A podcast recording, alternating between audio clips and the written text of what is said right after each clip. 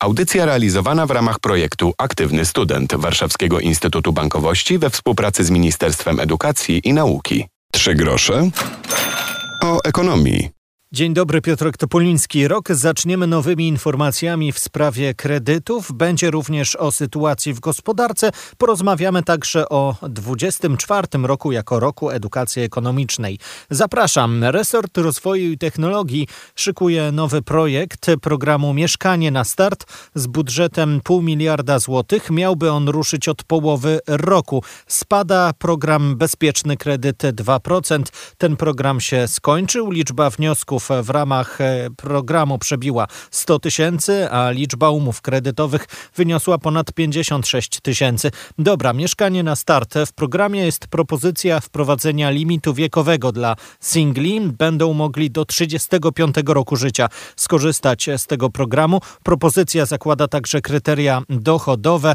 Dla jednoosobowego gospodarstwa limit ma wynosić 10 tysięcy złotych brutto, dla dwuosobowego 18 tysięcy złotych brutto. No i dla jedno- i dwuosobowego gospodarstwa domowego dopłata miałaby wynosić 1,5%, dla trzyosobowego 1%, a czteroosobowego 0,5%. Dla pięcioosobowego miałby być to kredyt 0%. Do spraw tych będziemy jeszcze pewnie powracali, zwłaszcza, że kredytowi 2% również poświęcaliśmy miejsce w naszej audycji. Przypomnę, że w podcastach wszystkie te historie, rozmowy, opinie ekspertów gromadziliśmy krytycy rozwiązań właśnie takich zwracali uwagę na rosnące ceny mieszkań, na zysk deweloperów i pogłębiający się kryzys spowodowany tym, że no, ubywa mieszkań na rynku, nowych mieszkań również. Są także postulaty, by zamiast dopłacać do kredytów, skupić się na budowie mieszkań na wynajem.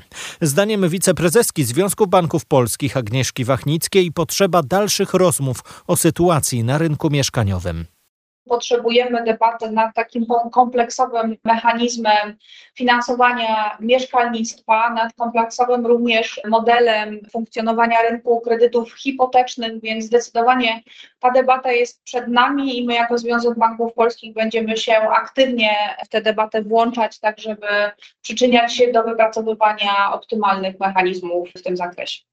Zmienimy nieco teraz temat. W nowy rok weszliśmy z nie najlepszymi informacjami z gospodarki. W grudniu wskaźnik PMI dla polskiego przemysłu spadł po raz pierwszy od czterech miesięcy. Co to oznacza? Dane komentuje dla agencji Newseria Mariusz Zielonka z Konfederacji Lewiatan. PMI nadal się utrzymuje poniżej granicy 50 punktów, która wyznacza recesję od y, rozwoju. I tak naprawdę mówi nam to, że nasz przemysł jeszcze nie jest gotowy na to odbicie, oczekiwane odbicie i oczekiwane przez ekonomistów e, odbicie. Wygląda na to, że mimo wszystko w polskim przemyśle nadal dominuje eksport, co, co za tym idzie, brak nowych zamówień z, z zagranicy będzie powodował, że na polski przemysł będzie w dosyć słabej kondycji i w dosyć słabej kondycji wchodzi w nowy rok. Polski przemysł w zasadzie boryka się z kilkoma problemami. Jednym z głównych problemów jest brak nowych zamówień. I w zasadzie idziemy na kolejny rekord, bo w tej chwili mamy już 22 miesiące spadków tego subindeksu, indeksu PMI, jeśli chodzi o nowe zamówienia. Co za tym idzie, mamy spadek nowych zamówień, mamy przez to spadek produkcji. I w tej chwili przemysł czy menadżerowie pracujący w przemyśle wychodzą z takiego założenia, że lepiej przyjąć postawę wyczekującą i na przykład w momencie, w którym się zwalniają pracownicy, a ta rotacja na rynku pracy następuje, nie ma otwieranych nowych rekrutacji. Dlatego też widzimy, że rynek pracy w Polsce w tej chwili jest w takim stabilizacji, żeby nie powiedzieć w stagnacji. Cały nasz przemysł jest w zasadzie uzależniony od tego, co się dzieje na e, Zachodzie. Chcielibyśmy bardzo wierzyć, że mimo wszystko ta konsumpcja w Polsce wewnętrzna, która miejmy nadzieję, że się ruszy, wystarczy polskiemu przemysłowi. Wydaje mi się, że w mojej opinii nie ma takiej możliwości. To, co dzieje się na Zachodzie, szczególnie u naszych zachodnich sąsiadów, ma bardzo duże znaczenie, jak pracuje nasza gospodarka. Jeśli Niemcy oczekują spadku PKB, czy spowolnienia gospodarki, to wpłynie w bardzo mocny sposób na to, jak będzie działała nasza gospodarka. To są naczynia połączone i w tej chwili wydaje się, że pierwsze miesiące, jeśli chodzi o nowy rok i o polski przemysł, nadal możemy oczekiwać, że będą to spadki produkcji. Rok 2024 to decyzją Senatu rok edukacji ekonomicznej. Więcej o tej inicjatywie mówi wiceprezes Związku Banków Polskich Bartosz Kublik. Choć banki w Polsce należą do najnowocześniejszych w Europie i także w obszarze cyberbezpieczeństwa uważamy, że są jednymi z najlepiej zabezpieczonych, no to od tego momentu, kiedy daliśmy klientom klucze do banków 7 dni w tygodniu, 24 godziny na dobę poprzez kanały zdalne, w tym mobilne.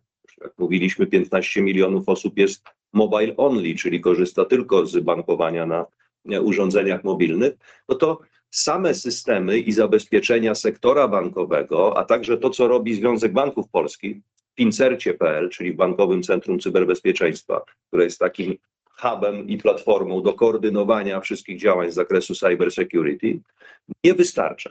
Potrzebna jest edukacja i potężna świadomość samych klientów o tym, jak bankują w sieci, jak dokonują zakupów w całym sektorze e-commerce, na platformach zakupowych, ale też na najprzeróżniejszych miejscach, gdzie inwestują swoje pieniądze. I niektóre z tych miejsc to są oczywiście pełnoprawne i uczciwe platformy do inwestowania, natomiast no, pod te pełnoprawne i uczciwe platformy bardzo często podszywają się cyberprzestępcy. To jest dobry rok, dlatego że zbiega się w roku 2024 kilka bardzo ważnych historycznie rocznic. To jest setna rocznica reform Władysława Grabskiego, dotyczących także polskiej waluty, setna rocznica powstania złotego polskiego, setna rocznica utworzenia Banku Polskiego, rocznica utworzenia Banku Gospodarstwa Krajowego i też rocznica setna wydania książki Bankructwo Małego Jacka Janusza Korczaka, która no, była tym, co dzisiaj moglibyśmy powiedzieć, właśnie edukowaniem młodego pokolenia w sensie ich finansów, roli ekonomii, roli tego, do czego służy w życiu pieniądz i jak za jego pomocą realizować dobre zamierzenia i cele. 2024 chcemy wykorzystać wielowątkowo, wieloaspektowo po to, aby powiedzieć o roli finansów osobistych, zapoznać ze znaczeniem ekonomii po to, żeby właśnie no, realizować dobre polityki, o których też mamy zamiar dyskutować w najbliższym czasie z poszczególnymi ministerstwami,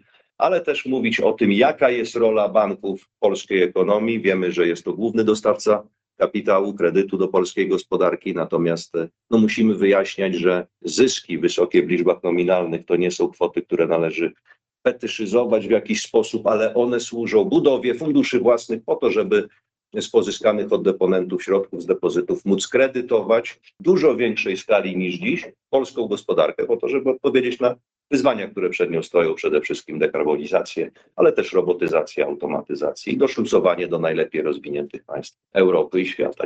Wielu z Was rok rozpoczęło od postanowień, by coś w swoim życiu zmienić. My postanawiamy w najbliższych 12 miesiącach dużo będziemy mówili o wiedzy ekonomicznej, bo rokiem edukacji finansowej rok 2024 jest i będzie. Uroczysta inauguracja już za moment, no i zaczną się pikniki, wykłady, spotkania poświęcone temu, co mamy w kieszeniach, a także w telefonach, na kontach i w szeroko rozumianej gospodarce. Zapytaliśmy o to, co można zrobić, by taka wiedza docierała nie tylko do młodych uczących się, lecz także do nieco starszych, do osób, które już niekoniecznie w szkołach siedzą. No a o tym zróżnicowaniu podejścia do wiedzy ekonomicznej mówi Waldemar Zbytek z Warszawskiego Instytutu Bankowości.